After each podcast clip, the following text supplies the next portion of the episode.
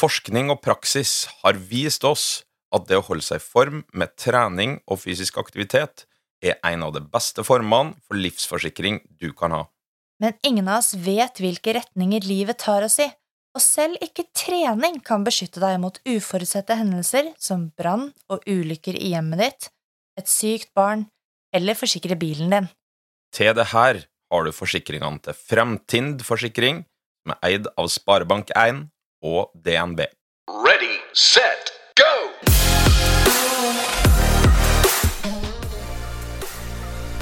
Hjertelig velkommen til prestasjonsprat med Eirik og Melina.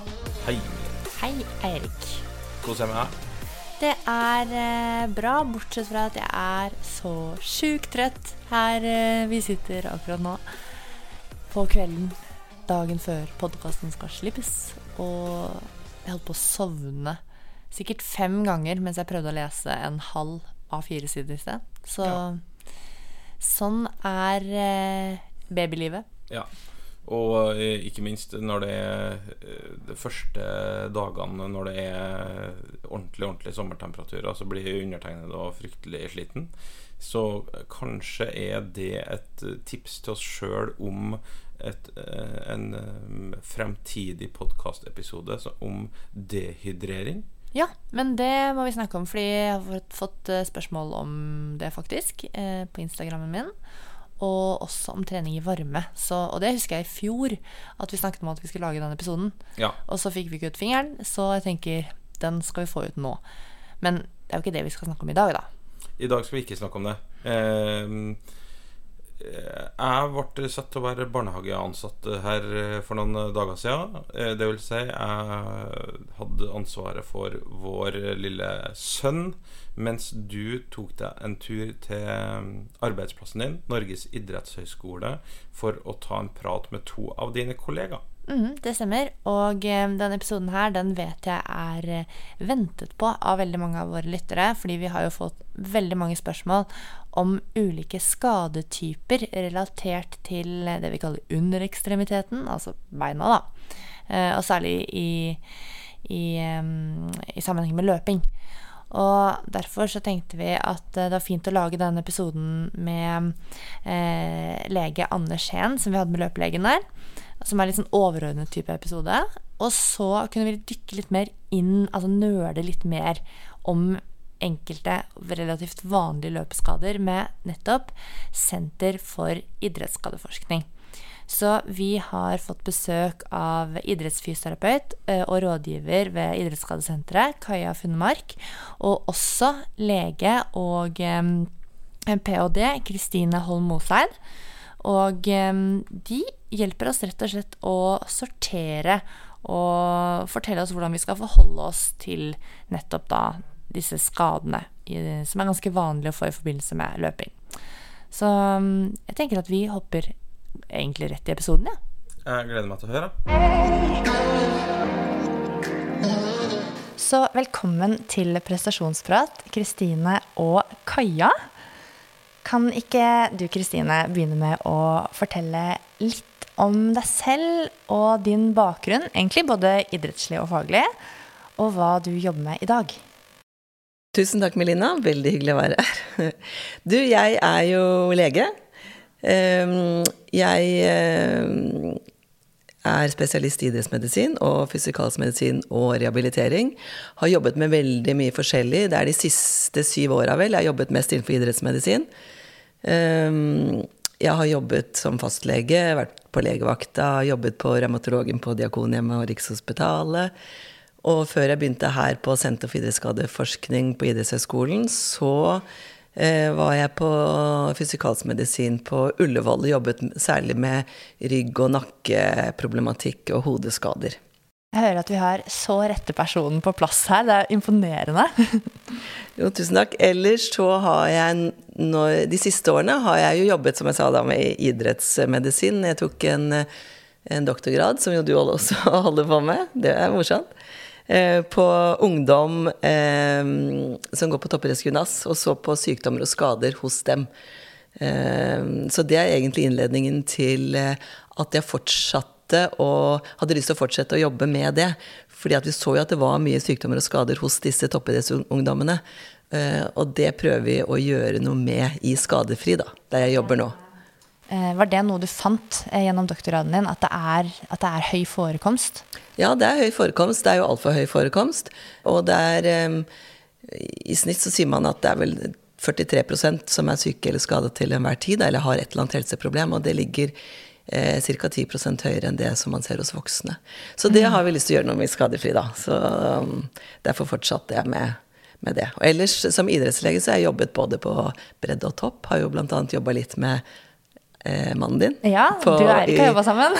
ja, i, på kvinnelandslaget i langrenn. Ja. Mm.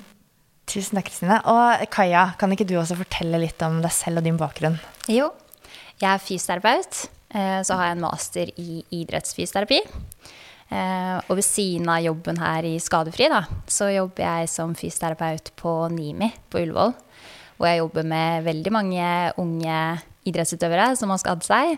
Også mosjonistutøvere som er ivrige og har skadd seg. Og også helt vanlig mann i gata. Eh, og så um, har jeg jobbet ganske mye innen idrett. Eh, så jeg har jobbet mye som fysioterapeut innen håndball. Litt med friidrett. Og så var jeg fysio for de norske utøverne i eh, forrige vinter-ungdoms-OL. Så spennende. Og nå må vi jo få lære. Hva er Senter for idrettsskadeforskning, og hva er Skadefri? Som vi nå har fått høre nevnt her et par ganger. Helt kort så er Skadefri det er uh, laget for å gjøre kunnskap fra, uh, som vi vet fra forskning, og få det formidlet ut til alle som driver med idrett. Fordi at eh, det nytter på en måte ikke at vi sitter på idrettshøyskolen eller er på kongresser, eller eh, at alle vi eh, som jobber på behandlingssiden, vet om hva som skal gjøres, hvis de som faktisk driver idrett, ikke gjør det. Så det er det vi prøver å, å gjøre, da. Å, stenge det gapet, kan du si, mellom hva vi vet fra forskning, ut til, ut til praksis. Eh, og da har vi på en måte én ting som vi er veldig opptatt av, og det er å si at skadeforebyggende trening, det er egentlig bare prestasjonstrening. Og det er ikke noe vi er så vant til å høre, egentlig. Man tenker ofte kanskje at Eller veldig ofte, syns jeg. at skadeforebyggende trening, at det liksom snakkes om i litt samme åndedrag som, som, de litt kjedelige øvelsene. Ja. Mm. Men det er jo egentlig sånn at, det, eh, at, vi skal tenke at det er prestasjonsfremmende trening. Ja, og mm. rett og slett prestasjonstrening. Så vi kommer jo litt tilbake til det mm. når vi skal snakke litt kanskje om skader og sånn. Ja. Um, ellers så er jo Skadefri både en nettside og en app som er gratis. Veldig enkel å bruke for både trenere, utover og foreldre. Det er masse øvelser der, og det er masse altså prestasjonsøvelser. Og så er det masse informasjon om ulike idrettsskader, også noe om eh, sykdom. 56 ehm, ulike idretter med tilhørende gode prestasjonsøvelser og 11 kroppsdeler, og man kan velge å gå inn enten på idrett eller kroppsdel. Eh, og veldig snart så uh, lanserer vi styrkeøvelser også for barn og ungdom. Det er en ny idrett på Skadefri. Og så kommer også appen i et nytt format. Oi, kjempespennende. Jeg har jo allerede eh, både brukt Skadefri og selv og anbefalt det til andre, og det er jo en kjemperessurs som nå bare vokser og vokser. Um, kan ikke dere fortelle også litt om Senter for idrettsskadeforskning? For det er jo der på en måte jeg ser for meg at Der kommer jo på en måte kunnskapen som omsettes praktisk i skadefri. Den kommer vel i stor grad derfra, i tillegg til selvfølgelig kanskje resten av verden. Jo, Senter for idrettsskadeforskning er jo eh, et senter hvor det gjøres veldig veldig mye god forskning. Um, primært så er det vel sagt at det skal forskes på uh, håndball, fotball og uh, snowboard og alpint. Uh, fordi de er store idretter i Norge, mm. men det forskes også på andre idretter. Um, og helt riktig sånn som du sier, der bruker vi all den gode forskningen inn i skadefri, da. I tillegg til forskningen fra um, ellers i verden. Og ellers så ligger jo Senter for idrettsskadeforskning her på Idrettshøgskolen. Eh, finansieres av Kulturdepartementet, Helse Sør-Øst, Internasjonal olympiske komité, Norges idrettsforbund, Norsk Tipping. Så vi har på en måte hele Idretts-Norge mm, i ryggen. Ja. Eh, og Skadefri er jo en del av Senter for idrettsskadeforskning. Og vi formidler fra Sparebankstiftelsen og DNB og Skadetelefonen. I Skadefri så er vi et team som består av fire personer. To fysioterapeuter, en lege og Emilie som har master i coaching og psykologi. Og til sammen så dekker vi våre fire hovedområder for formidling, som handler om eh, å få ut kunnskapen via sosiale medier. Eh, litt sånn som dere gjør, men vi har ikke egen podkast, så vi er veldig glad for å Ja, komme da kan vi slå oss sammen. ja, det er helt topp. Uh, og så driver vi med eh, det som vi kaller for lokale klubbkvelder, der vi har utdanna idrettsfysioterapeuter og leger som reiser rundt i hele landet og har klubb, to timers klubbkvelder for, eh, på grasrottrenernivå i lokale klubber. Eh, trenerutdanning, trener 1 og 2. Eh, og så har vi utarbeida et opplegg for toppidrettsgymnas, litt basert på den doktorgraden som jeg tok, da, for å få eh, skadefri utdanning inn i eh, toppidrettsgymnasen også. Altså, fire personer skal gjøre alt dette. Det er, eh, det er bra du har fortsatt, Kristine. For det er ganske omfattende. Men er det sånn da at hvis man er i tilknyttet til et idrettslag, eh, så kan man rett og slett spørre om dere kan komme? Ja, Eller det? er, em, det er veldig bra du spør om, for vi vil jo veldig gjerne at både klubber og idrettslag skal ta kontakt med oss for å få klubbkvelder ut til seg. Så det er jo sånn som eh, Kristine sa, at vi har utdannet eh, idrettsfysioterapeuter og idrettsleger til å bli det vi kaller for skadefri-ambassadører. Så hvis en klubb eller idrettslag har lyst til å ha en klubbkveld hos seg, så kan de ta kontakt med oss, eller så kan man finne også kontaktinfo til alle de som er skadefri-ambassadører rundt i hele landet, eh, og ta direkte kontakt med de.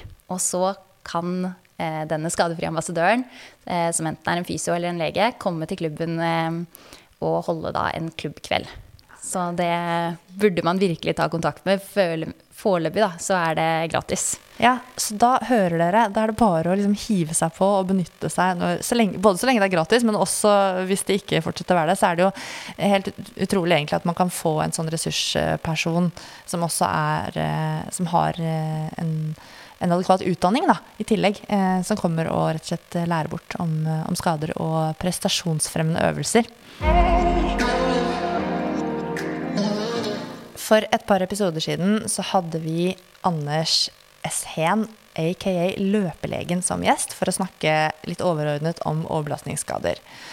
Og så er det jo sånn at det er Én En ting er overbelastningsskader, men eh, vi forsøker å skille mellom det som er akutte skader og overbelastningsskader. Så jeg tenkte at vi må ta en liten sånn repetisjon og kanskje gå litt inn på hva er den konkrete forskjellen på de. Og også kanskje lære litt hva man skal gjøre hvis man har, eh, får en akuttskade. For nå skal vi snakke mye om overbelastningsskader i denne episoden. Så Kristine, kan ikke du hjelpe oss litt med hva er forskjellen på nettopp akuttskader og overbelastningsskader? Jo, det kan jeg gjerne gjøre.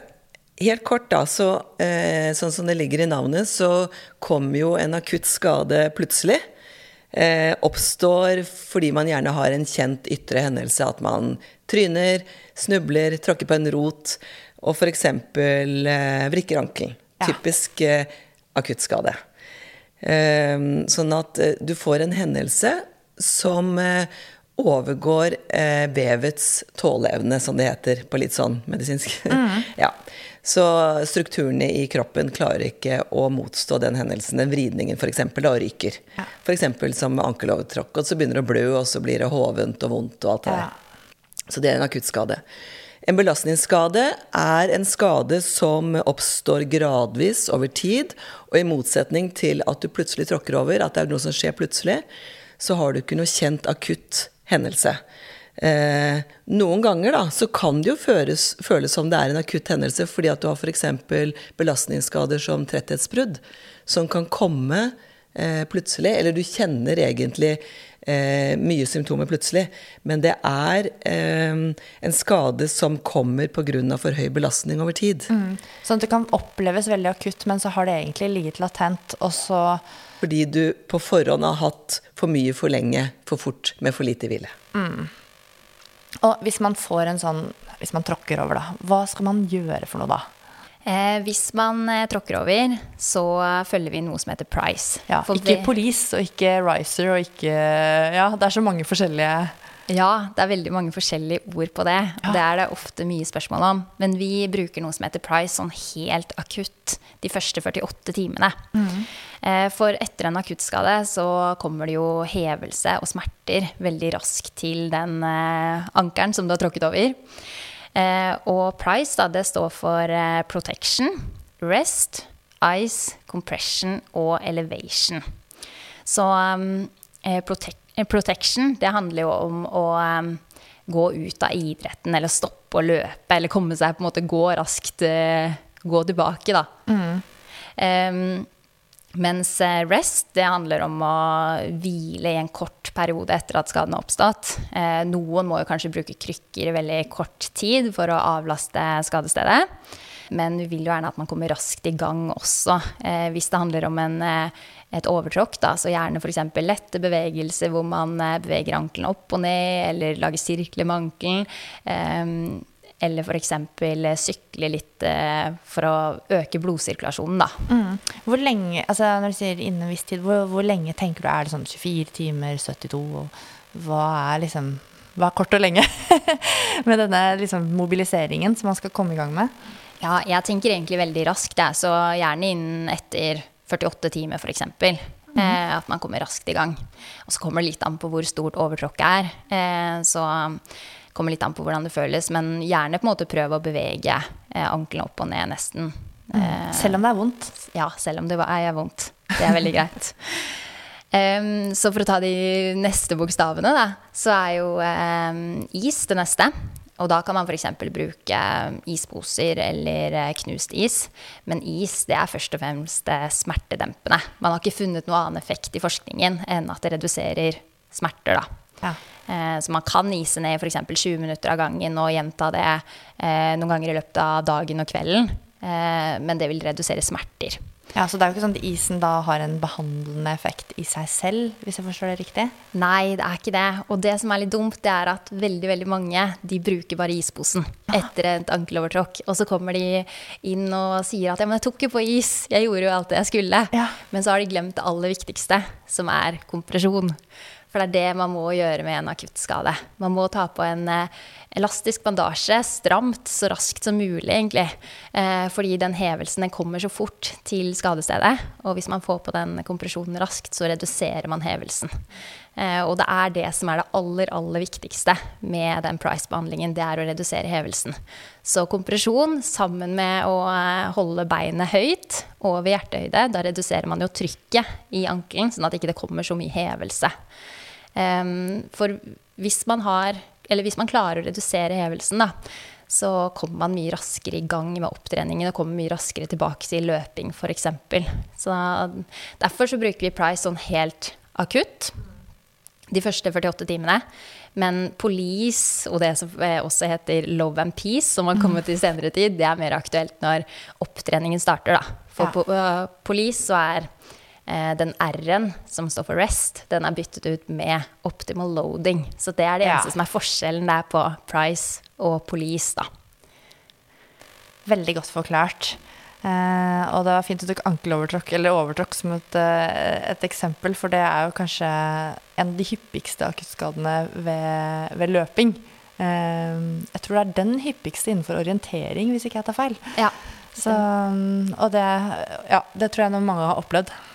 Jeg tenker også Altså jeg har vært eh, type stevnelegger på Norway Cup en del år, da. Ikke sant? Og der ser du også For der følger du jo alle disse ungdommene i en ganske kort periode, og det er ganske gøy å se, eh, syns jeg, hvordan de som har vært gode på å få lagt på denne kompresjonen med en gang, etter eh, når du har det inn akutt og, og etter to-tre dager, hvor stor forskjell det er på de. Altså de som ikke fikk lagt på egentlig noe kompresjon med en gang fordi de ikke tok kontakt med førstehjelperne der, eller komme inn på, eh, på legesenteret som var der, da. Eh, Hvor hovne. Det er så utrolig stor forskjell hvor hovne de er eh, etterpå. I forhold til de som fikk lagt på en god kompresjon med en gang og får ned hevelsen, ikke får noe sånn masse betennelsesmarkører og sånn ut, ut i vevet. Blir så mye raskere bedre. Ja, og det tenker jeg er egentlig veldig god motivasjon å høre deg si det. For å ha en støttebandasje i treningsbagen, eh, og alltid ha det tilgjengelig. For min erfaring fra når jeg spilte håndball i ungdomstiden, og også eh, som danser, var hvis noen tråkka over eller skjedde noe, så var det alltid noen som ropte er noen som har en ispose'. Men vi skulle jo egentlig ropt etter den støttebandasjen. Så og det er vel kanskje også forskjellen på hvor, ja, hvor raskt du kommer tilbake til idretten eller ikke, hvorvidt du, hvorvidt du fikk på den, da. Ok. Da skal vi gå litt videre til det som er dagens hovedtema, nemlig overbelastningsskader. Når vi skal snakke om overbelastningsskader og skader generelt, men så er det jo altså, Vi har jo hele kroppen å ta av, så det er veldig mye vi egentlig kan snakke om og kunne snakket om, men vi har jo valgt å ha mest fokus nå på underekstremiteten, altså det som er relatert til bein, og kanskje særlig sånn knær og legg. Eh, fordi at vi har jo egentlig ganske stort sånn utholdenhetsfokus. Og det har også blitt mye løpeprating i denne podkasten vår. Så da tenker jeg da, da, kjører vi på med det. Og så er det nok veldig aktuelt å ta opp andre skadetyper ved en senere anledning. Og nå skal vi gå litt inn i de spesifikke skadetypene som jo dere lyttere har sendt inn uhorvelig mange spørsmål om. Så det må jeg jo ta, si tusen hjertelig takk for. For uten dere så vet ikke vi alltid hva vi skal prate om. Så da skal vi begynne med en skadetype som på folkemunne er kjent som beinhinnebetennelse. Men vi er nødt til å lære oss et nytt begrep på det, tror jeg. Eh, Kaja, eh, du skal få lov til å fortelle oss litt om det som kalles for MTSS. Ja, og det står jo for medialt tibialt stressyndrom, tidligere kalt beinhinnebetennelse sånn som du sa. Eh, og det er en skade, en belastningsskade på innsiden av leggen. Eh, skinnebeinet, som heter tibia. Mm. Eh, så man får smerter på innsiden av leggen, da. Eh, det er en veldig vanlig skade for de som løper mye. Eh, eller hvis man f.eks. Eh, spiller håndball eller fotball.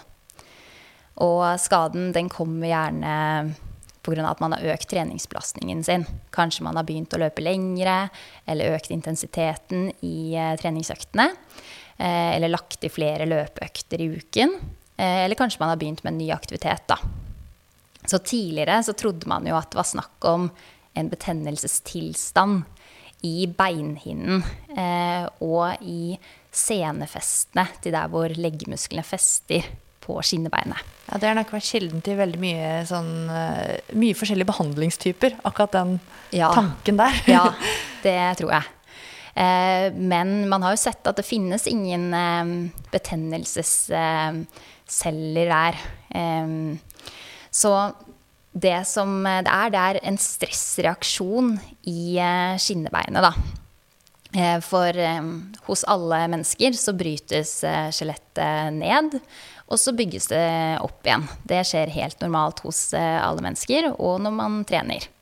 Men hvis eh, treningsbelastningen blir for høy, eh, eller at man plutselig på øker på treningsbelastningen for mye, eller har et veldig høyt aktivitetsnivå over lang tid, da, så klarer ikke skjelettet å følge med. Så mm. det brytes ned raskere enn det det klarer å bygge seg opp. Og da får man det man kaller for en stressreaksjon, som også kan utvikle seg til å bli Eh, et tretthetsbrudd da, i leggen, hvis det fortsetter å gå. Ja, Så det er ytterste konsekvens da, hvis man ikke tar hensyn til uh, disse innsideleggsmertene? Ja, det er det. Um, så det som er særlig viktig i behandlingen, det er to ting. Det ene er da belastningsstyring.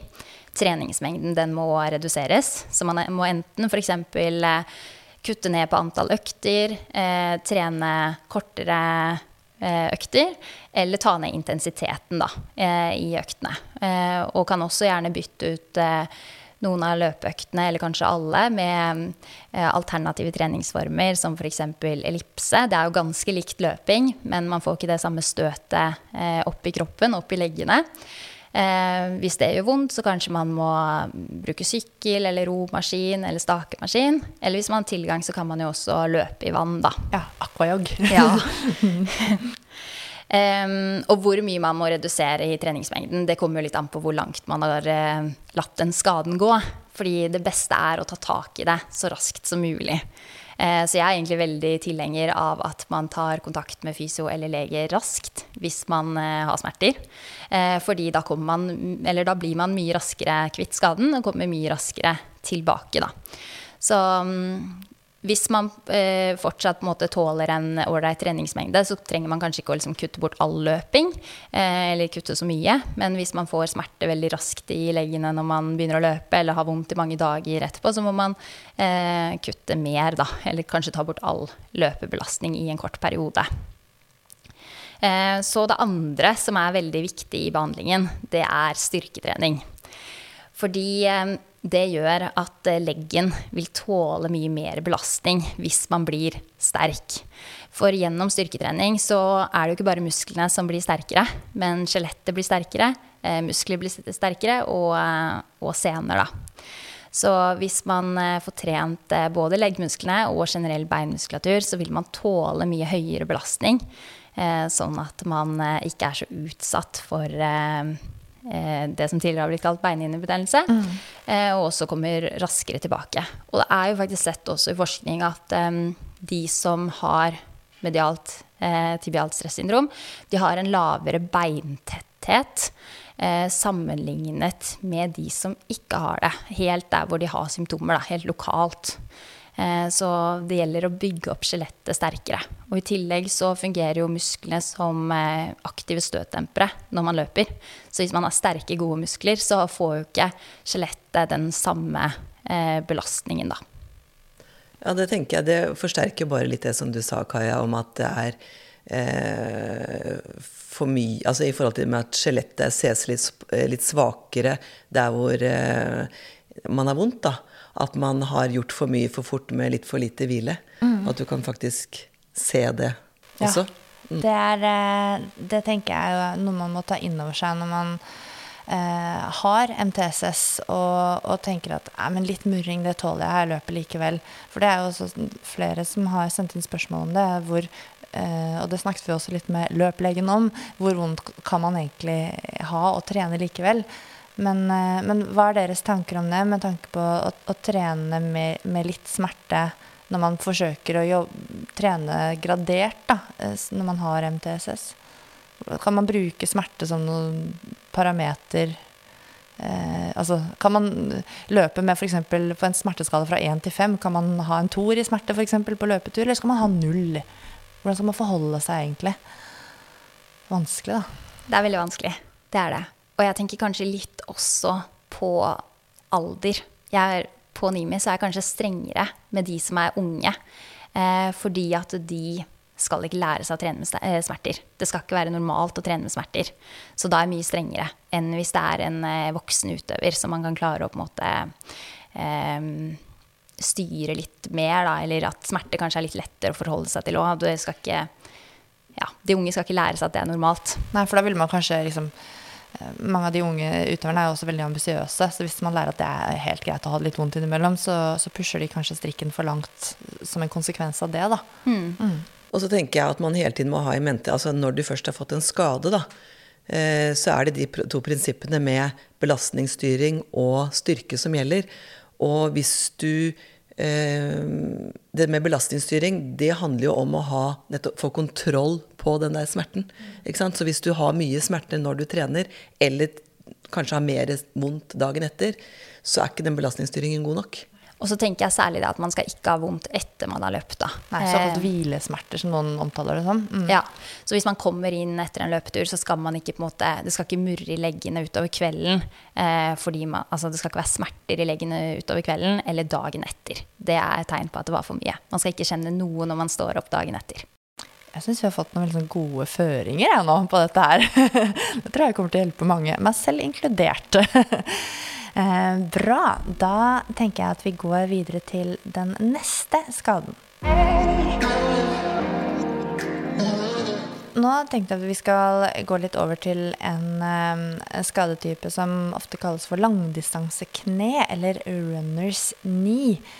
Noe som jeg selv tror jeg har hatt eh, enkelte ganger ved eh, tilfeller for mye, for fort, for hardt og, og alt det der. Eh, og det har vist seg også i spørsmåls, innboksen vår at det er ikke bare meg det gjelder. Eh, Kristine, hva, hva er egentlig runners knee? Du, runners knee, eller eh, også kalt iliotibialt smertesyndrom, eh, det er egentlig en samlebetegnelse for eh, at man har vondt på utsiden av kneet. Eh, kommer typisk eh, eh, ved f.eks. løping eller sykling. Alle aktiviteter der det er mye bøy og strekk eller fleksjon og ekstensjon i kneet. Og mange opplever nok at de særlig nedoverbakke eh, provoserer smertene, da. Eh, og det med at det kalles for iliotibialt smertesyndrom, det sier jo kanskje noe om at eh, man vet ikke akkurat hva utgangspunktet for plagene er, men man har sett at det er en eh, irritasjon som er relatert til denne her tractus iliotibialis, en sånn lang eh, sene bindevevshinne som går på utsiden av låret, fra hoftekammen og ned og fester på utsiden av eh, tibia, eller det store leggebeinet, da. Um, og når man har mye bøy og strekk i kneet, så kan den skape litt sånn trykk mot utsiden der. Uh, og man får mye gnisninger. Uh, som kan gi smerte. I tillegg så er det jo sånn i kroppen at alle steder hvor sener eller bindelevshinner sånn går over knokler, så er det innretta sånn at man har sånne slimposer som skal på en måte virke som litt sånn eh, smørende eller støtdempende, og de kan typisk også bli irritert da. Og så blir det hovne, og så gjør det enda mer vondt. Men som sagt, det er litt sånn sprikende forskning med tanke på hva som er akkurat årsaken, eller hva det egentlig er. Men ja, smerte på utsiden av kne er vel kort fortalt det det er. Ehm, og hvorfor kommer uh, runners knee? Det har jo, sånn som Kaja snakket om på MTSS, det handler gjerne om uh, to ting. Treningsbelastning og styrke. Treningsbelastning, typisk rask eh, endring eller økning i treningsvaner. Eh, det kan være antall økter, lengde på økter, intensitet på økter. eh, eller at det er litt ensidig eller hardt underlag. Og så har man sett at det med styrke av muskulatur og sener også kan være et, en risikofaktor. At man typisk ikke er sterk nok i hofte-lårmuskulatur. Typisk abduktorene, da, altså de som eh, tar beinet ut til siden, ikke sant. Eh, gluteus medius. Eh, og også forsidelår kvadriceps. Ja, forsidelår òg, faktisk. Det, Ja. ja. Kan være en del av årsaken. Ja, mm, Ja, altså, eller noen ganger tenkt sånn eh, med runners knee, da. Altså hvis man skal på en måte Eller jeg har tenkt at det kan være viktig å liksom finne ut eh, om det er liksom denne bursaen, slimposen, som er irritert, eller om det er noe annet. Men, men er det egentlig det? Har det egentlig eh, er, det, er det sånn at man må grave liksom i det, eller hva, hva tenker du der, Kristine? Man skal liksom finne et behandlingsopplegg, da. Ja, altså I utgangspunktet med all behandling så er jo det viktigste Hvis du går til en lege eller en fysio, da, så gjør man jo en, en eh, god eh, anamnese. Altså tar opp sykehistorie. Når får du vondt? Hva gjør vondt? Hva provoserer? Hva gir hvile? ikke sant? Nei, hva gir mindre smerter? Eh, og så undersøker du. Og det er jo viktig for å finne noe om eh, eh, årsaken. For å kunne være litt målretta i forhold til hvilke øvelser du vil eh, gi til deg som kommer, da. Eh, så igjen, da. Punkt én, som eh, Kaja også snakket om, belastningsstyring. Hva er det som gjør Eller eh, hvor mye har du trent? Har du økt mye i, i mengde, f.eks.? Um, ja, og sånn som du spurte om, eh, Melina, om det med struktur, så er det jo generelt uh, mange områder i uh, medisinen som er vanskelig å finne ut akkurat hvilken struktur som gir smerter. Det er flere skader som det er vanskelig, og da ser vi mer, sånn som Kristine sier, mer på funksjonen. Eh, hva som gjør vondt, og legger eh, styre treningsbelastningen på det, og hva man på en måte finner i undersøkelsen. Eh, hva man kan jobbe med der, da. Eh, Så man går mer ut ifra funksjon der enn akkurat grave på hvilken struktur på mange, mange skader. Noen skader så er det viktig å finne akkurat hvilken struktur. Ja. Så det er litt forskjellig. Men, men sånn som med da mm, iliotibialt smertesyndrom, da er det på en måte eh, ikke så Tolker jeg det riktig hvis man sier at det ikke er så viktig å f.eks. få eh, tittet på utsiden av kneet med en ultralyd eller ta MR, hvis man klarer å ta en god anamnese? Jeg tenker det kan være et supplement. Ja. Veldig mange har jo ultralyd, så det er jo ikke vanskelig å gjøre en ultralydundersøkelse. Og du vil jo ved en undersøkelse også lett der kunne se er det doppleraktivitet f.eks. Mm. med øket sånn at det er om det er veldig irritert, f.eks., eller hvis det er en bursdag som er hovedproblemet. Men jeg tenker, så vil du jo kunne få svar på det, da. Ja. Eh, Men jeg tenker at tiltakene vil uansett bli mye av det samme. Eh, Fordi at hva gjør du? Jo, du må styre belastning. Du skal ikke trene som vi snakket om i sted, du skal ikke trene med masse smerte f.eks. Du må finne riktig nivå. Der må du samarbeide med en fysioterapeut. ikke sant? Hvordan skal du gå frem? Og jeg er veldig tilhenger der av at man er veldig konkret. På den forrige episoden der dere snakket med Anders Heen, ikke sant? så snakket eh, du om at du hadde hatt MTSS og hadde fått streng beskjed om at du bare skulle trene maks ti minutter. Ja. Det er sånn jeg liker veldig godt. da. Og det er det. Ja, ikke sant? Fordi at du kan ikke si til folk som er glad i å løpe, ta det litt ned. Hva For- betyr det, Hva liksom? betyr det? Betyr det at jeg istedenfor å løpe x antall mil i uka, skal løpe to kilometer mindre? Det vil være veldig avhengig av hvem du snakker til. Så det å være sånn veldig konkret på belastningsstyring, det er kjempefint. Og der er det lurt å ha med seg Kaja på laget, eller andre gode fysioterapeuter. Eh, og så er det det med styrketrening, da. Ja. Legge opp det etter hva du finner i klinisk undersøkelse. Men som jeg sa, generelt eh, forside lår og utside lår er viktige strukturer eh, å ha kontroll på og være sterk i. Eh, og hvis det ikke hjelper, så kan av og til sånne løpsanalyser kanskje være med å bidra litt på å se hvordan, hvordan du løper. Da. Kanskje man gjør noe som liksom Ja, Som man også bør trene på i tillegg til det som er mer standard, kan du si. da. Eh, veldig sjelden så, eh, så Altså, mange spør jo ja, kan det opereres. Ja, ikke sant?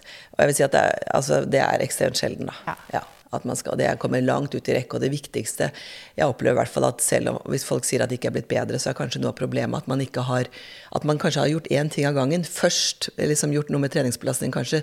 Så gjort noe med styrketrening, og ikke gjort alt sammen samtidig. Ja, for det, det med å ta ned treningsbelastningen betyr ikke nødvendigvis at man ikke skal begynne å trene styrke hvis man ikke har gjort det før. Det er jo kanskje viktig å få med. og Det handler jo om å ta ned den, det som gjorde at du ble skadet. F.eks. redusere løpinga, da. Og når vi snakker om det som vi holder på med mye i daglig, da, med det med prestasjonsfremmende trening eller skadeforebyggende trening, så handler det om i Det er ikke bare løping, men i all idrett, egentlig. og eh, preppe kroppen for det du har lyst til å drive med. Ikke sant? Så hvis du vil løpe mye, så må du trene mye beinstyrke. Da, for å, og, og det gjør deg også til en bedre løper. Ja, der fikk vi det. Neste stjerne ut, eller ikke stjerne, men skade, det er eh, det som, kaller, som jeg prøvde å kalle for patellofemoralt smertesyndrom, men så viser det seg at jeg har skrevet feil og forstått feil, for det er ikke det det er. Så her eh, feiler jeg min eh, idrettsmedisinkarakter. Men vi skal først få lære oss Vi skal snakke om jumpers Nei, vi skal snakke om patellofemoralt smertesyndrom, men jeg hadde skrevet at det var jumpers knee. Og det er det jo ikke, Kristine. Nei, det er det ikke, vet du. Men det er veldig fort gjort å ta feil der, da. For jumpers knee kalles også på en måte på latin eller engelsk for patellar tendinopati. Ja, så det, det har har jo med patellofemoralt smertesyndrom og patellar tendinopati Det er jo ikke så det er ikke så ulikt, da. Men helt kort først, da, bare helt kjapt om jumpers knee, så er det mer en, en eh, belastningsskade i knescenen under patella, eller kneskjellet, da. Eh, Som handler om den eh, eh, store lårmuskelen og den senen som er tilknytta den. Og flest har da vondt rett i underkant av kneskjellet. 90% eller noe sånt har vel vondt der. Noen har også vondt litt mer ned mot festet på tibia eller på oversiden av kneskjellet.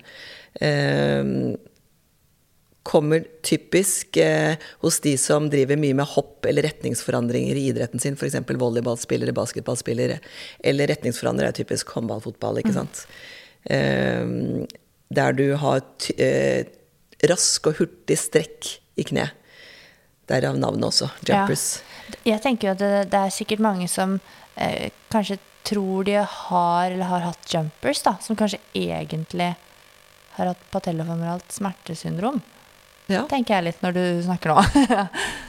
Ja, det går nok litt sånn eh, på kryss og tvers. Og, eh, eh, men som sagt så er jumpers knee typisk eh, knyttet til eh, patellasjen mer.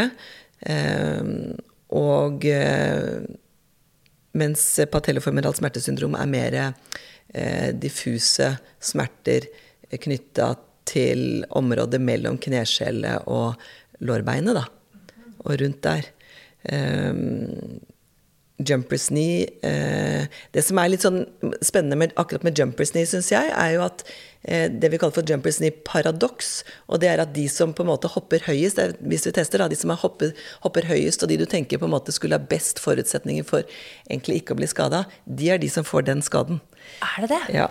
Så eh, Og særlig gutter og menn er, er, utsatt for den, da. Mens det er vel ikke helt tilfellet på patellofemoralt smertesyndrom. Nei. På patellofemoralt smertesyndrom så er det flere jenter som får det. Og det er en eh, ganske vanlig løpeskade. Ehm, det er diffuse knesmerter. Så vi bruker det litt som en sånn utelukkelsesdiagnose. Fordi det er diffuse fremre knesmerter hvor vi ikke alltid helt eh, vet hvilken struktur som er skadet. da.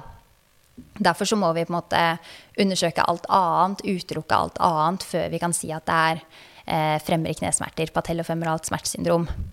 Så ofte så har man eh, smerter i en sånn halvsirkel rundt under kneet.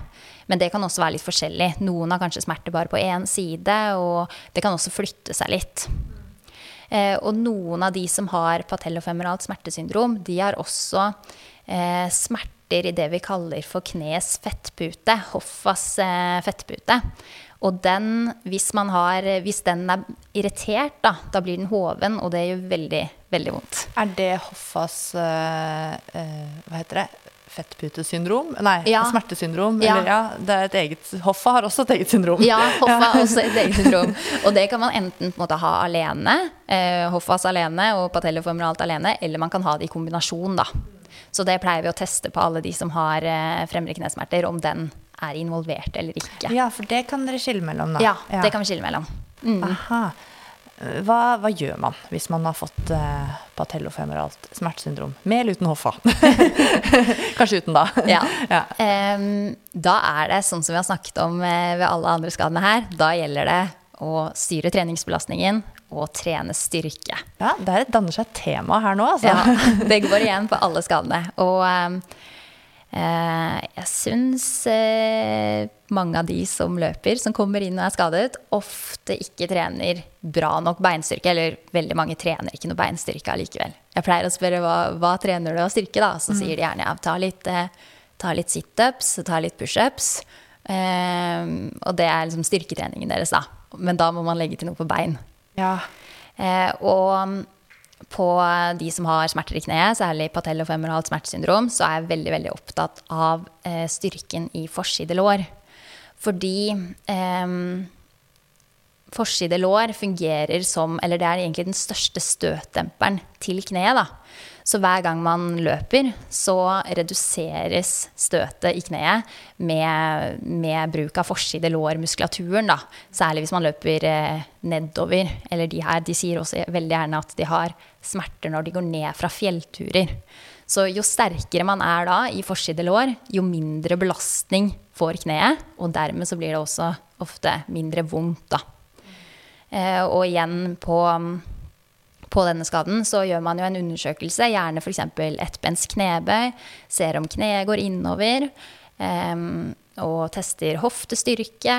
Eh, veldig mange har jo eh, redusert hoftestyrke. Det er jo kanskje litt det med eh, som er sett vanlig på denne skaden, at det er jenter, kanskje litt dårlig da, hoftestyrke, at man mm. faller litt inn med kneet osv. Ja, for det at man, eh, kvinner faller litt ekstra inn med kneet, har, har det litt med hvordan man er biomekanisk i hoftene som, som, kvinne. At det er litt annen vinkel på lår og lårben. Jeg tenker egentlig at man skal ikke falle inn med kneet for det. Da Nei. må man på en måte trene styrke. Eh, så det kan man Det kan man korrigere. Det kan man i hvert fall mm. korrigere ganske greit. Hos de aller, aller fleste. Noen er bygd litt sånn. Eh, ja. Og da må man korrigere så godt man kan, da. Og da tenker jeg hvis man er litt valgus som det heter, altså litt kardbein, så er det jo bare ekstra viktig å tenke at man må trene eh, hofte ja. og utsidelår. Styrke de musklene. Mm. Mm. Så igjen ved den skaden så blir det masse god styrketrening. Eh, og da selv om det på en måte er da eh, rehab-øvelser, da, så vil det, sånn som Kristine sa tidligere, også gjøre deg til en bedre løper. Fordi det er jo på en måte de samme musklene som du ville trent hvis du ville gjort skadeforebyggende, prestasjonsfremmende trening eller bare vanlig styrketrening, Ja. som også gjør deg bedre til å løpe, men også forebygger skader, da. Ja, så det er jo de, det er jo de musklene som skal fortsatt, fortsatt støttempe og fortsatt ta deg fremover, som du trener når du, når du får eh, et rehabiliteringsopplegg som da på sikt vil være prestasjonsfremmende for deg. Da, for det gjør at du kan komme tilbake til idretten kanskje raskere enn du ellers ville gjort hvis du ikke hadde giddet å gjøre de øvelsene. Eh, og så blir du jo sterkere på veien. Ja, og det er jo faktisk mange som sier at eh, de kjenner at de har blitt sterkere. Kanskje de eh, får litt mer fart i løpesteget sitt, eller de har stått på ski og bare Shit, jeg ble ikke så sliten som jeg pleier å bli i lårene, eller Det er ganske gøy å høre, da, når de har begynt med styrketrening. Og så tenker jeg jo at det er det som er liksom the beauty of it, da, med den type øvelser. At eh, hvis du tenker prestasjonsfremmende øvelser før du blir skada, så, så gjør du på en måte samme treningen, men du slipper oppholdet pga. skaden. Ja, og der, der ligger jo gullet. Eh, det å faktisk få opprettholdt kontinuitet i treningen fordi man gjør disse øvelsene. Og nå har vi jo snakket, liksom sagt disse øvelsene og uten å snakke så mye om hva slags type øvelser. Eh, men hvis vi, siden vi nå er på mm, eh, patellofemoralt smertesyndrom, da er det, eh, er det typisk sånn leg extension, knebøy, eller hva, slags, hva er liksom de første øvelsene som kommer opp i pannelappen hos deg når du hører, hører det, det skadenavnet, da? Ehm, det er eh, gjerne noen knebøyøvelser, enten på to ben eller på ett ben. Jeg pleier å ta veldig mye ettbensøvelser hvis det er løpere. Eh, bulgarsk utfall er en øvelse som går veldig mye igjen. Um, og hvis man har treningssenter tilgjengelig, det har man jo kanskje nå, i Oslo i hvert fall, Foreløpig. ja. så, eh, så kan det være greit å putte på leg extension hos noen for at man bare blir skikkelig skikkelig sliten i forside lårmuskulaturen sånn helt til slutt på, på treningsøkten. Da. Og så vil det jo være veldig lurt å legge til noe på eh, utside hofte. Ehm, da er jeg veldig fan av en øvelse hvor man eh, har et strikk, et sånn miniband rundt eh, anklene. Kanskje stå på en step, da er det veldig balanseutfordrende. Og så drar man beinet skrått bakover. Eh, og det er også en ganske sånn løpsspesifikk, skispesifikk øvelse. da. Om man står på ett bein, så er jeg veldig glad i ettbeinsøvelser når man løper. Får man med mediusen og litt sånne andre ting også. Ja. Der kan man jo også stå på en eh, Eller gå opp og ned helt sideveis på en trestokk hvis man er ute i skauen. Ja, ikke sant? Man at kan man ikke går frem, men går rett sideveis. Altså. step up sideveis. Man har jo blitt eh, ganske tvunget til å tenke hjemmeøvelser nå. Så det er, det er mye man kan gjøre ute og hjemme også. Ja. Spørsmålet er jo kanskje om man får det tungt nok, da. For du snakket jo litt om at, øh, at du liksom øh, klarer å avdekke anamnese, at folk ikke trener bra nok styrke. Um, så en ting er jo kanskje øvelsesutvalget, men en annen ting er jo belastningen. Um, skal det være tungt? Er det, eller er det eh, mange repetisjoner, eller kan man gjøre en kombinasjon? Hva tenker dere? Jeg tenker at man må bli sliten når man Ja. trener styrke. Og det pleier å være noe fast jeg spør om. Eh, blir du faktisk sliten i muskulaturen når du trener styrke? Og særlig når de på en måte kommer tilbake og eh, har testet det litt. da. Eller hvis man ikke eh, føler framgang, så må man endre på noe sånn at man faktisk blir sliten. Så gjerne tungt. Litt forskjellig på antall repetisjoner, avhengig av hvilken øvelse det er. Eh, og selvfølgelig, hvis man på en måte korrigerer noe, eh, at kneet faller innover, så må man eh, la kvaliteten styre litt også, da. Og da kan det være greit på bulgarsk utfall, ettbensknebøy, at man eh, at kvaliteten styrer, og leg extension, der kan man på en måte bare pushe ut at ja, det skal være syre i låret. Ja. Men, eh, men det som er viktig når man trener styrke, det er at eh, man blir sliten i muskulaturen. Man Ja. skal på en måte kjenne at man har trent, men selvfølgelig har man ikke trent styrke før, så er det jo greit å kanskje ha to treningsøkter hvor man um, ikke tar seg helt ut, sånn at eh, muskulaturen får litt grann, tilvenning. Man slipper noe eh, skader i muskulaturen fordi man begynner med styrke. Men eh, musklene de tilvenner seg jo ganske raskt, så um, da kan man eh, begynne å trene tyngre. Og jeg pleier å bruke et prinsipp som jeg kaller for to pluss, eller som vi kaller for to pluss. Og det er at eh, hvis man f.eks. har planlagt å trene tre ganger ti repetisjoner, da, så kan man tenke på siste sett at eh, man skal klare to ekstra. Så da kan man gjerne prøve så mange man eh, kan. Og hvis man klarer på en måte tolv, at det er maks, så trener man innafor. Da er det bra. Da trener man tungt. Men hvis man klarer liksom 13-14-15, kanskje opp mot 20 repetisjoner, da, som mange gjør når de egentlig tror de trener tungt nok, da trener man for lett. Da må man legge på vekten. Det er kjempeviktig. Men hvis man da trener f.eks. 20 reps, men blir skikkelig sliten på rep 20, da, um, at man har mer sånn høyrepetisjons um, Er det også greit, så lenge man uh, på en måte uh, pusher ganske nært utmattelse, med tanke på det at hyp, eksempel hvis man er ute etter litt hypertrofi, da, så kan jo det oppnås både med tunge og få reps, men også med mange reps. At da er det greit at man kjører rett og slett høyrep også. Ja, det er det. Absolutt. Så lenge man blir sliten, så kan man enten kjøre høyrep eller få reps. Jeg er helt enig i det. Altså, men så tenker jeg altså sånn jeg, I mitt hode, liksom for å gjøre det litt enkelt, da, så tenker jeg hvis du skal tenke før du skal bli skada, eller før du blir skada, som prestasjonstrening, så tenker jeg ja, tungt så tungt som du klarer, og sånn som du eh, sier, kan jeg gjerne to i reserve. Ikke sant? På vanlig måte ligge mellom kanskje seks og åtte reps ganger tre, f.eks. Eh, men er det del av en rehab-prosess, så tenker jeg heller kanskje litt altså lettere, men flere eh, repetisjoner til å begynne med. Og så det der med å styre belastningen, ikke sant, og etter hvert øke, øke belastningen og ta ned antall Ja, repetisjoner. det høres jo logisk ut på mange måter. og Jeg tenker også at det er sikkert også, Du snakket jo litt om at kneet kanskje kan falle litt inn. Det er kanskje også noe behov for å relære litt bevegelser også. Eh, ja, så det vil jo være avhengig av hvilken person det er, hvor godt man utfører ø, øvelsene. Eh, sånn at man kanskje kan tenke at noen øvelser er kvalitetsøvelser, noen øvelser er da skal du bare bli sliten. Eh, og så er det jo i en opptrening så er jo jo, eh, jokeren er jo smerter. Sånn at eh, man kan tenke det som styrkeprinsipper, men så må man på en måte ta hensyn til hvis det er smerter også. Så man får lov til å trene med smerter under styrkeøvelsene, men smertene skal roe seg ganske raskt etter en treningsøkt. I Eh, hvert fall ikke sånn at man har vondt dagen etter fordi man trente styrke. Da har det vært altfor mye. Så det, det kan på en måte ikke gå på bekostning av de andre styrkeprinsippene, da. Og det kommer jo tydelig frem, f.eks. Vi snakket så, var så vidt innom jumpers knee, hvor du er veldig streng på belastningsstyringen. Og der har du jo lov til, enten du trener heavy slow, mm. resistance-trening, eller eksentrisk, eh, der har du jo i treningen lov til å ha noe smerter. Men så sier du jo at eh, da må du ikke gjøre den aktiviteten Altså du skal ikke spille volleyball, ikke basketball. Altså ikke gjøre aktiviteten som du eh, har fått vondt av. Så poenget der er at ja, du kan ha noe smerter akkurat under økta der, men du kan ikke gjøre noe annet. Og det handler jo egentlig bare om å, å være veldig streng på belastningsstyringen. Ja. Sånn som eh, fysioen var med deg når Ja, du hadde sant? MTSS. Ikke sant? Og der det er liksom nøkkelen.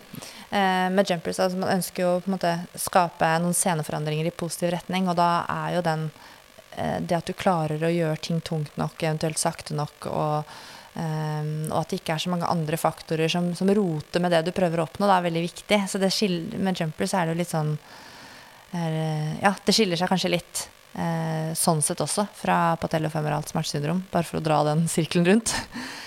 Bra. Vi beveger oss litt lenger nedover i underekstremiteten, og skal faktisk Vi skal helt under foten. Eh, til en eh, skadetype som vi også har fått inn veldig mange forskjellige spørsmål om, og som vi må eh, også lære oss litt om hvordan vi skal forholde oss til. Og det er en type som heter plantarfasitt. Hva er plantarfasitt for noen ting? Du, plantarfasitt, det er rett og slett eh, smerter under foten.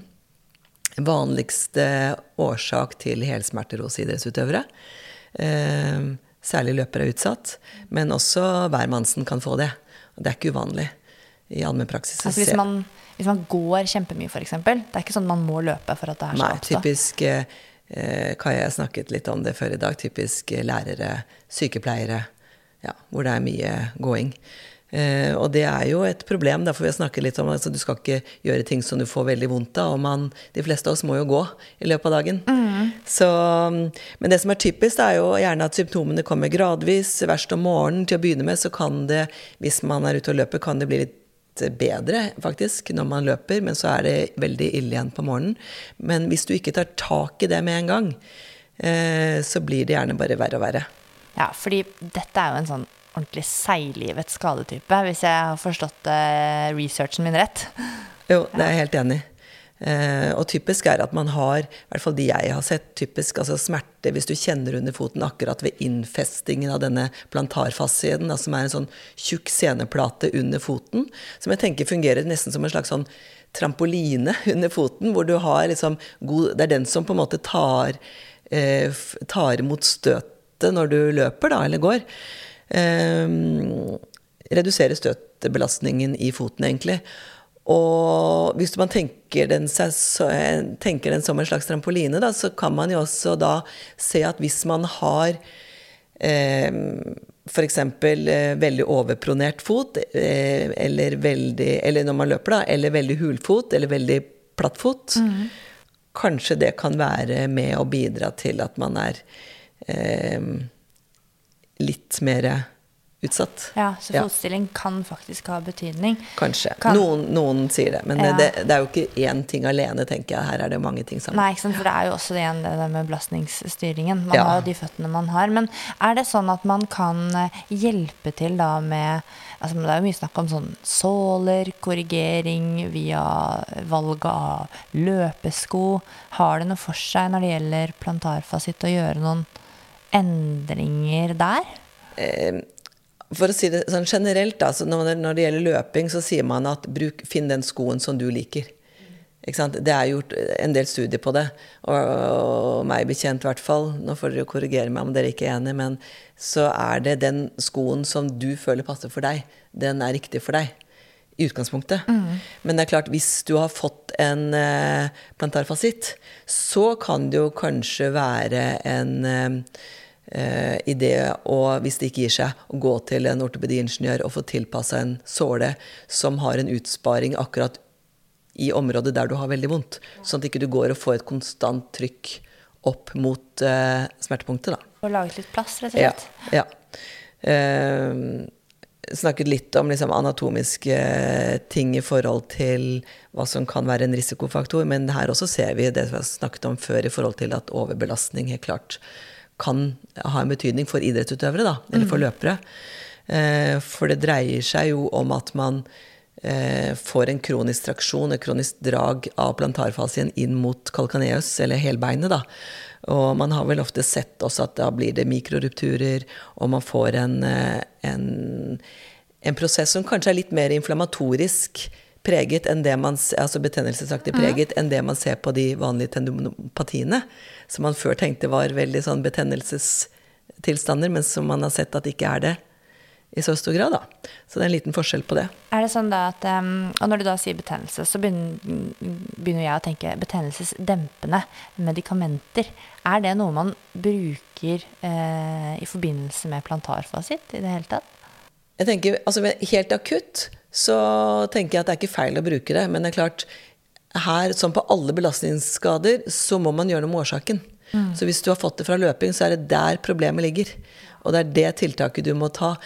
Og ellers så vet man at ising har jo god effekt her, sånn smertelindring på samme måte som med ankelovertråkt. Så vet man at det er eh, at det kan funke. Sammen med teiping kan jo kanskje hjelpe å, å avlaste noe. Er dette en? Hvis dette her ikke går over med en gang, det er en kronisk tilstand, så dropp eh, betennelsesdempende. Har ingen plass. For du må gjøre noe med eh, årsaken. Ja, for det nytter ikke å ta medisin, eh, i fortsette å gåseøyne trene. bli bra, men fortsette den atferden man hadde som Nei. før. For dette, det, nei, ikke sant, tar det ikke Kan du bare glemme. Eh, det blir som hva man sier, tisse i buksa for å holde seg varm. Ja, nettopp det. Ja. Hva slags type øvelser er det man skal gjøre hvis man har eh, Hvis man skal rehabbe eller prestasjonsfremme etter hvert, da, sin plantarfasitt, sin plantarscenen sin? Jo, jeg tenker først og fremst så må du gå til en fysio da, og endre treningsopplegget litt i forhold til det du har gjort. Gjøre kanskje andre ting som ikke gjør at du eh, belaster eh, plantarfascieten og får like mye og harde støt og, eh, som eh, du har hatt. da. Ellers Eller så er det jo styrkeøvelser for fot og legg. Typisk sånne knipeøvelser av tærne, ikke sant. Um, og også har man sett noe effekt av typisk motorisk kontrollbalanse. Ja, liksom balanseput-type Ja. ting. Ja. Mm. Og det som er litt spesielt med plantarfasitt, da, det er at man bør gjøre tåhev, men man bør legge et sammenrullet håndkle under tærne når man gjør tåhev, sånn at man får skikkelig, skikkelig god strekk på den plantare fascien. Det er det som man har funnet ut at fungerer best av øvelser på eh, plantarfascien, da. Så skikkelig, skikkelig god strekk på tærne, sånn at den, det håndkleet bare er på en måte rett under tærne, da. Ja, for da drar du liksom tærne litt oppover. Da blir den scenen rett og slett tøyd litt mer. Ja. Og det tenker jeg det har jo litt med ikke sant, når du løper Det ligner jo også litt mer da på steget ditt når du løper. ikke sant? Ja, for da vil jo selvfølgelig den tå At man løfter opp tærne litt. Det vil man jo gjøre i dem når man forbereder seg på å lande. Ikke sant? Sånn at igjen så er det en øvelse som prepper deg for den aktiviteten som du har lyst til å tåle. Ja. Så jeg tenker at hvis man eh, sliter med eh, plantarfasitt, da, så, kan, så bruker man jo den øvelsen. Og etter hvert når man på en måte har blitt bra, så bør man fortsette å gjøre tåhev. Men da kan man eventuelt ta bort håndkleet og bare gjøre vanlig tåhev. Tenker jeg greit. Ja, for der er du inne på noe litt eh, interessant generelt sett, da. Eh, For da har du jo på en måte rehabilitert deg og eh, med f.eks. denne øvelsen, da. Eh, smerten er borte, og eh, du er friskmeldt. Enten av fysioen eller deg selv. Eh, men i hvilken grad skal man bare fortsette med å gjøre alle disse øvelsene som sier alle disse øvelsene, men eventuelt disse øvelsene som gjorde at du ble bra fra en skade. Kan man droppe de på noe tidspunkt, eller skal man liksom holde fast ved de? Man bør holde fast. Man bør det, ikke sant? Ja. Men eh, Jeg hadde håpet og fryktet at du skulle si det. Det var litt sånn blandet her. Håpet er jo at man skal på en måte ha kjent litt effekt. Kanskje at eh, man har blitt sterkere. da. Kanskje man har nesten syntes at det begynner å bli gøy. Eh, det hadde vært fint. Ehm, men man trenger kanskje ikke å gjøre det så mye som det man har gjort under opptreningen. Hvis man f.eks. har eh, trent eh, styrke tre ganger i uken under opptreningen, da, kanskje man kan gå ned til én-to. Én gang i uken vil jo være å vedlikeholde. Men hvis man legger på en gang til, eh, to ganger i uken, så vil man fortsatt bli sterkere, da. Og det trenger jo ikke å være så veldig eh, mange øvelser. Og man kan jo gjøre det etter at man har løpt. Så hvis man kan ta fire øvelser da, etter man har løpt, så har man gjort veldig mye på egentlig eh, 20 minutter. Absolutt. Og det er jo eh, At det blir kjempegøy, Jeg kanskje drar dra det litt langt for de som syns at det å løpe er det absolutt morsomste. Men samtidig så tenker jeg at eh, de som løper mye, de, eller trener mye og er mye på beina, de, de har jo det som en god vane, og det ligger mye disiplin i det. Og, eh, og det handler jo om liksom, å prøve å skape det som en vane av disse øvelsene. Det er noe du bare gjør. Det er som å pusse tennene, det er som å ta på seg løpeskoene. Det, det skal bli på en måte en, en del av deg. Da. Litt sånn har jeg i hvert fall selv måttet tenke om, eh, om opptrening tidligere. Ja. Som en sånn mestringsmekanisme. Og vi håper jo kanskje at man har lært litt av å eventuelt bli skada. Sånn at man har kjent litt på det at man måtte redusere treningsmengden sin. Kanskje det, det er jo kjedelig.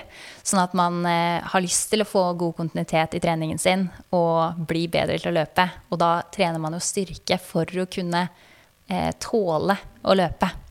Så eh, at man på en måte lærer det ved å bli skada, det håper vi jo. Hvis ikke man eh, aller helst begynner med øvelsene før man eh, blir skadet. Ja, sånn som vi jobber for i Skadefri. Det er jo ønske, det er det vi skal lære oss her nå, da. Det er jo veldig mange forskjellige skadetyper vi kunne snakke, snakket om. Men den siste ut i dag, i hvert fall, det er tendinopatier. Eh, Vi har jo fått noen spørsmål om både tendinopatier som gjelder eh, hamstrings, men kanskje aller mest på akilles, faktisk. Eh, Hva er en akillestendinopati, da, eksempel? Ja, akilles tendinopati det er jo en vanlig løpsskade. Em, og i akillesenden så kan man ha litt ulike typer skader. Man har um, tendinopatien i selve akillesenden, hvor man gjerne har vondt sånn midt i akillesenden, da. Uh, eller så kan man ha det uh, vi kaller for paratendinopati, hvor man har uh, smerter mellom senen og den seneskjeden som ligger der. Det blir litt for stor friksjon eh, mellom de to, så blir væske mellom de to. Så mm, det er litt forskjellig hvem som får de ulike skadene også. Eh, unge utøvere får mer paratendinopati, mens eh, mosjonister, eh, også hvis man har blitt litt eldre mosjonist, får mer tendinopati i selve akillessenen. Og de to eh, skadene de skal behandles litt forskjellig. Derfor så kan det være greit å eh, skille mellom de. Det kan man gjøre med en ultralydsundersøkelse, eller så kan man klare å skille mellom de ved en vanlig undersøkelse hos en fysio eller lege. Da. Eh, så hvis man har en tendinopati i selve akilleshælen, da gjelder det litt det samme som ved jumpers knee og ved plantarfasitt. At man trener eh, gjerne da det vi kaller for HSR-trening, tung, langsom styrketrening. Det er sett at tung, langsom styrketrening og eksentrisk styrketrening har like god effekt i forskningen. Men hvis man velger den eksentriske, så må man jo gjøre det to ganger om dagen hver eneste dag. Mens den tunge, langsomme styrketreningen den trenger man bare gjøre tre ganger i uken. Derfor er det så mye lettere å gjennomføre. Så de aller fleste velger jo den. Så da er det mm, å bruke ni sekunder på hver repetisjon Tre sekunder. Ja. Det tar lang tid. Det tar kjempelang tid. Så tre sekunder på vei opp, tre sekunder på toppen og tre sekunder på vei ned. Og det blir tungt, altså, når man skal gjøre det sakte. Ah, da hører jeg at det skal gjøres saktere enn det jeg har gjort, men, eh, men da greit. så, så, det er det som gjelder hvis man har smerter i selve akilleshælen. Selvfølgelig sammen med, med belastningsstyring, som alltid gjelder ved, ved belastningsskadene her. Eh, og hvis det mer er den paratendinopatien, så er det mer relativ avlastning eh, som gjelder. Og da vil ikke de øvelsene her ha like god effekt. Da er det kanskje greit å vente litt faktisk med øvelser eh, til den verste smerten har gått over, og så kan man heller legge på det eh, etter hvert, da. Ja. Og hvis man har smerter i um, akilleshælen, så kan det jo være greit å ha Eller noen ting som det er greit å tenke på når det gjelder løping, da. Og det kan f.eks. være greit å bygge opp litt i hælen. Man kan kjøpe en sånn helkappe som man putter inn i løpeskoen. Eller kanskje eh, velge en løpesko som har litt høyere hæl, litt mer demping i hælen. For da får man jo mindre belastning på akillesenden. Og så er det greit å unngå bakkeløping når man har vondt i akilleshælen. For da får man mye mer drag i akilleshælen. Vi lærer jo ofte, liksom ofte, når vi snakker om løping og når man f.eks. er nybegynner, og sånn, så er det fort gjort å liksom gå til den motbakken og snakke om den. fordi at vi, motbakke er jo skånsom for veldig mange strukturer. Men vi er jo fremme på tærne, og det går jo veldig hardt utover Eller leggemuskulaturen er ekstremt aktiv. Så det er kanskje et slags unntak. Ja. Eh, og, og, kanskje ikke man skal starte alle nybegynnere i motbakke, f.eks. For fordi at man skal man gjøre det mye, så må man, egentlig, må man egentlig ha spesialtrent leggene og akillesene sine litt til å tåle det. Mm. Så det er litt forskjellig. Sånn som en kneskade vil jo ofte eh, ha mindre smerte hvis man løper i motbakke, mens det vil være omvendt for eh, en skade i akillessenen. Mm. Eh, så typisk så kan man jo få også en akillesskade hvis man plutselig har lagt i mye bakketrening, da. Eh, og når det gjelder løpetrening òg, så bør man jo også eh, roe litt ned på hastighet ved, hvis man sliter med akillesen. Fordi mm.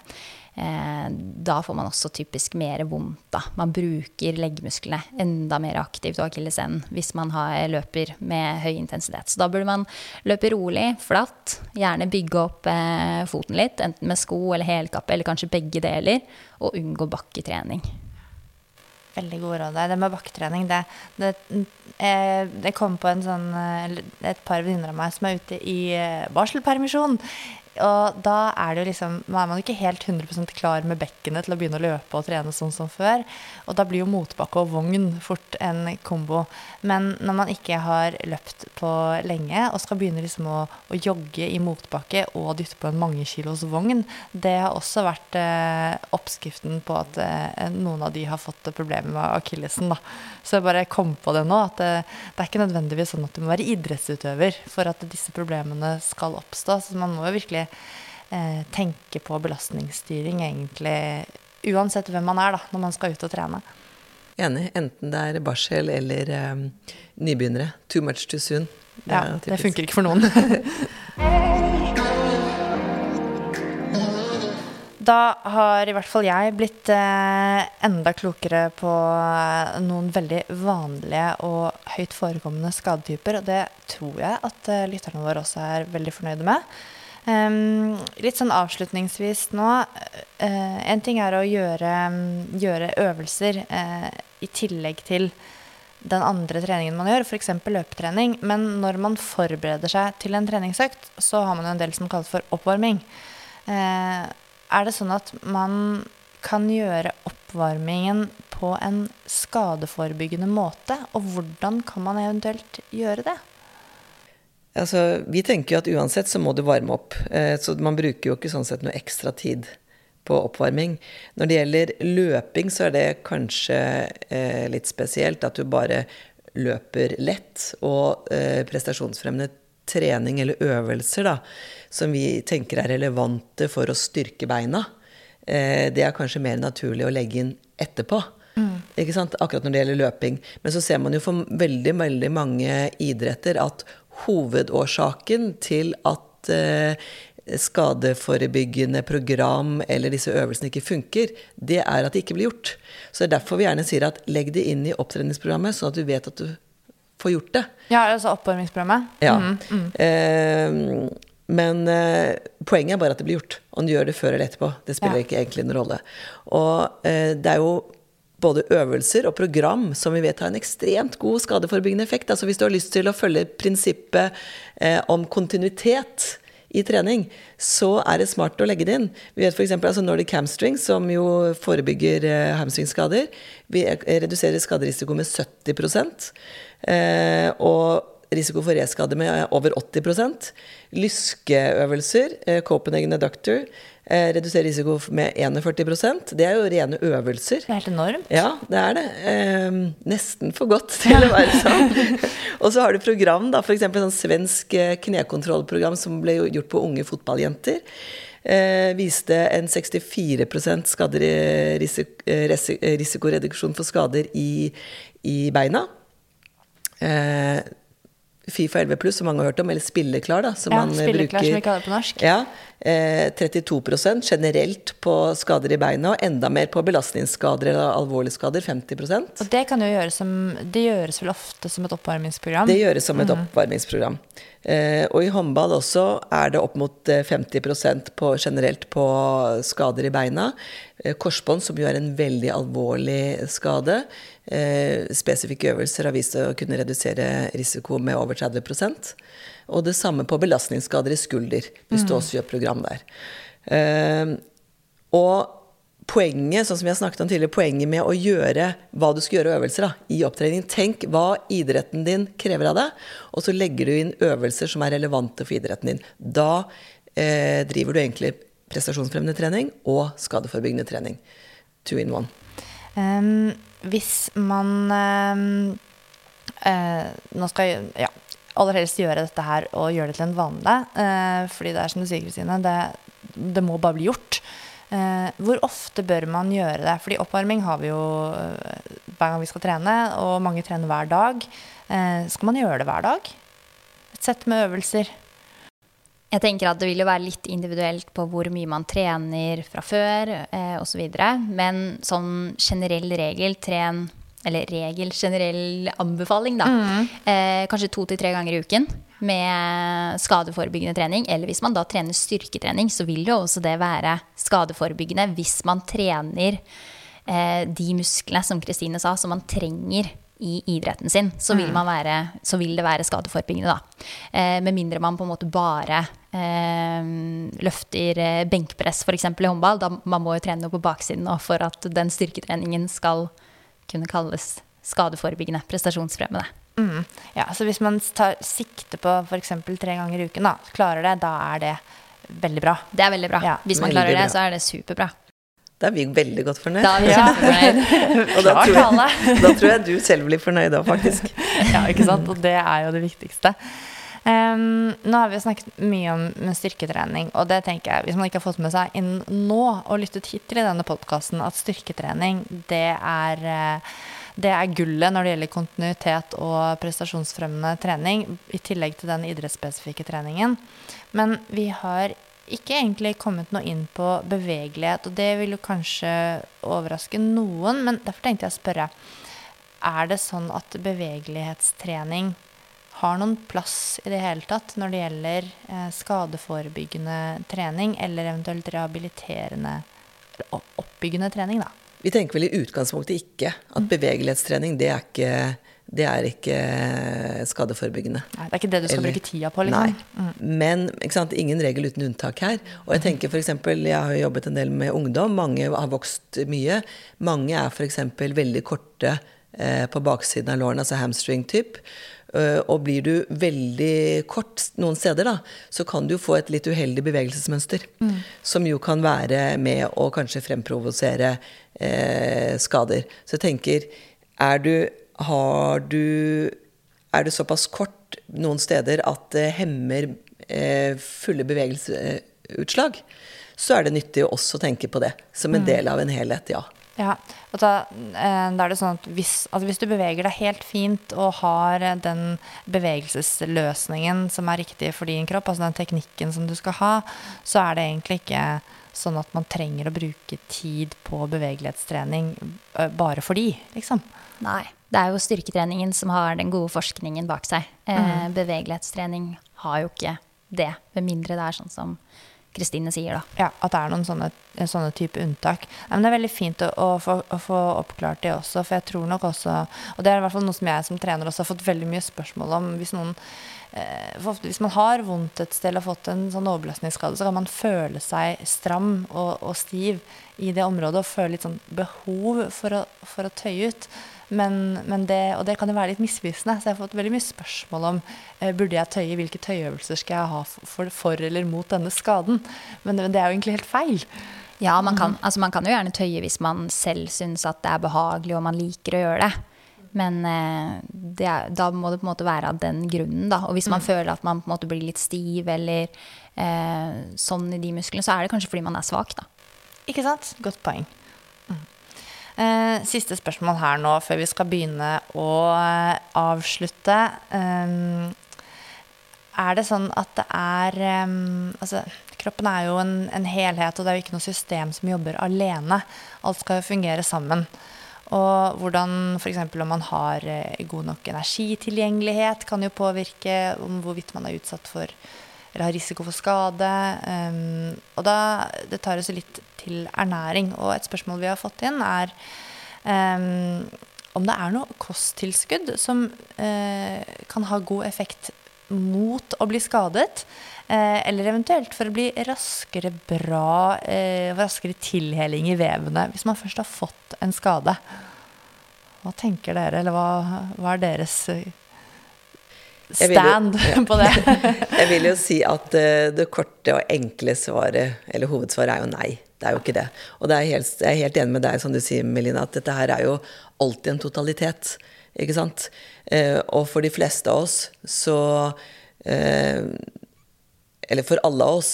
Eh, det er totaliteten som betyr noe. Mat, søvn, hvile, totalbelastning. Har du krangla med kjæresten din? Er det mye stress hjemme? Er det mye lekser? Er det mye skole? Er det lang reisevei? Har du tusen baller i lufta? Ikke sant? Alle de tingene der betyr jo noe. Både for skaderisiko og sykdomsrisiko. Det vet vi. Eh, Så for de aller, aller, aller fleste av oss så tenker jeg at eh, det er de tingene der som må på plass. Ikke Ja. noe kosttilskudd som kan være eh, Som er noe hokus pokus der, altså. Og generelt så vil jeg jo si at du skal være veldig forsiktig med å ta kosttilskudd i forhold til eh, antidopingreglementet. Ja. For de er ikke kvalitetssikra på samme måte som eh, medisiner du eventuelt får av legen din. da. Eh, selv om du må alltid huske også, faktisk, det kan jeg jo si at husk å, og hvis du får et medikament eh, og driver med noe aktiv idrett, husk å få legen til å sjekke eh, at dette er godkjent. At du Ja. kan bruke det. Det har jeg opplevd selv, faktisk. Å få skrevet ut noe av en lege. Og så tok en liten sjekk i det som heter Adams, eh, og i appen. Og der kom det opp eh, en rød farge som viste at det medikamentet det kunne jeg ikke ta hvis jeg hadde tenkt å konkurrere. Så det er veldig, veldig bra du, du sier det, Kristine. Og det er jo liksom sånn Jeg tenker jo litt sånn flåsete sagt, kanskje, men Altså hvis du, hvis du finner et kosttilskudd som gjør at du eh, tilheller deg raskere fra en skade, så tror jeg kanskje ikke det er lov å ta det. Nei, da bør du ringe noen eh, alarmbjeller, og du bør heller ringe da til eh, Antidoping Norge. ja, ikke sant? Og ikke ta det, egentlig, da. Nei, nei ikke sant. Um, og så tenkte, jeg tenkte bare jeg skulle si at det er jo et par ting, f.eks. dette med jern og kalk og D-vitamin. Eh, det er viktig egentlig for alle, men særlig for ungdom som vokser mye. Så det er jo altså viktig bare å eh, sikre at man har på plass. Ja. Rett og slett ivareta sin egen ernæringsstatus og Ja. sørge for at man er eh, eh, kanskje innenfor det vi kan kalle for referanseverdiene, da, eh, når det gjelder akkurat de mikronæringsstoffene du nevnte der. Mm. Bra. Da har vi blitt ganske mye klokere når det gjelder løpsrelaterte overbelastningsskader i da underekstremiteten. Tusen hjertelig takk for at eh, dere ville komme og gjeste Prestasjonsprat, Kristine og Kaja. Og skadefri, det er ganske enkelt å finne. Da er det både en app som du kan søke opp, og det er en nettside.